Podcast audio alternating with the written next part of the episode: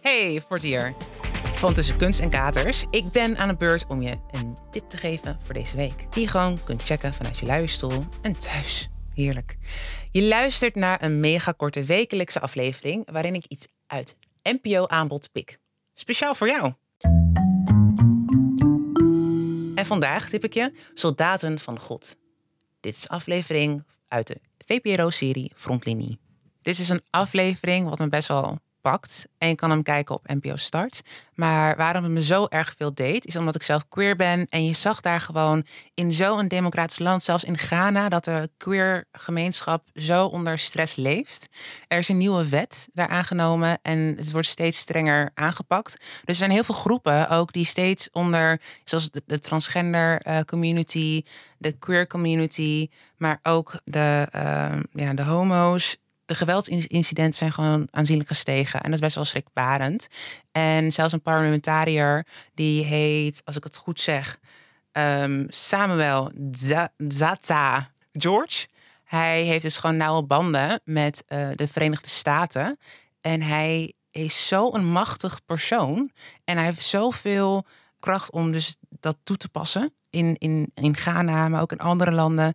Dat is echt gewoon, die aanpak is waanzinnig erg en heftig om te zien. En dat laat ze gewoon zo erg zien in deze aflevering Soldaten van God. En ehm, wat het met mij doet, is dat ik me ontzettend geprivileerd voel hier in Nederland. Om gewoon mezelf te ontwikkelen. Om te kijken van, hé, hey, wie ben ik? Wie is Fort? En dat is daar gewoon niet mogelijk. En ik keek naar deze aflevering en toen dacht ik, Jezus, Mina zeg. Dit is gewoon eh, best wel heftig. En er werd ook gezegd, er werd een soort van anekdote ook gezegd van ja, um, leuk dat je hier komt. Um, de maker die, dat dan, die de aflevering heeft gemaakt, Bram Vermeulen. En Bram Vermeulen die kwam er echt gewoon van... waarom vinden jullie dit niet, niet, dit niet belangrijk? Waarom vinden jullie dit niet een prangend probleem om dit gelijk aan te pakken?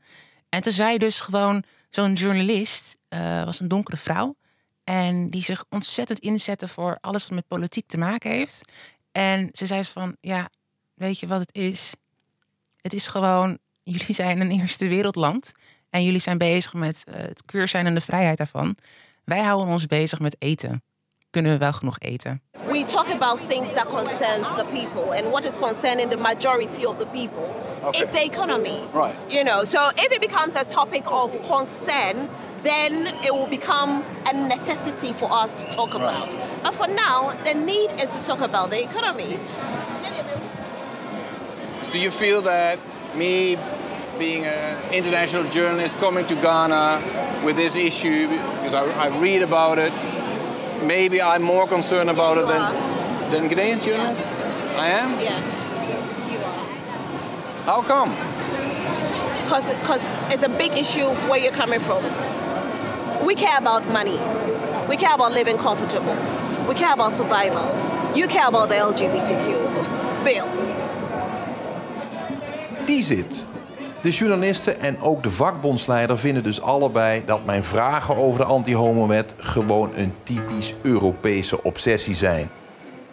Oké, wat ik nog wel, wel, wil zeggen is over dit stukje um, van de aflevering. Is ze zegt het nu heel erg plat. En ze zegt ja, het is een Europese obsessie. Maar um, als je dus de, gedurende de aflevering komt er heel erg naar voren dat ze het snapt. Dat ze snapt van onze kant, ja, um, we zijn ermee bezig. Maar voor hun is het al een, een soort van, ze missen al de eerste behoefte. Dat is geld. Dus dat wil ik nog wel eventjes uh, aantikken. Van, het komt nu nogal hard over, dit fragment. Maar um, ze heeft wel echt onderliggende, er zitten gewoon veel meer lagen onder. Hiermee zijn we aan het einde gekomen van deze korte aflevering. Deze podcast tussen kunst en katers maakt deel uit van het platform NPO Cultuur en wordt gemaakt door Omroep NTR. Check even de show notes, daar vind je alle informatie over ons en de link naar deze aflevering. Tot de volgende.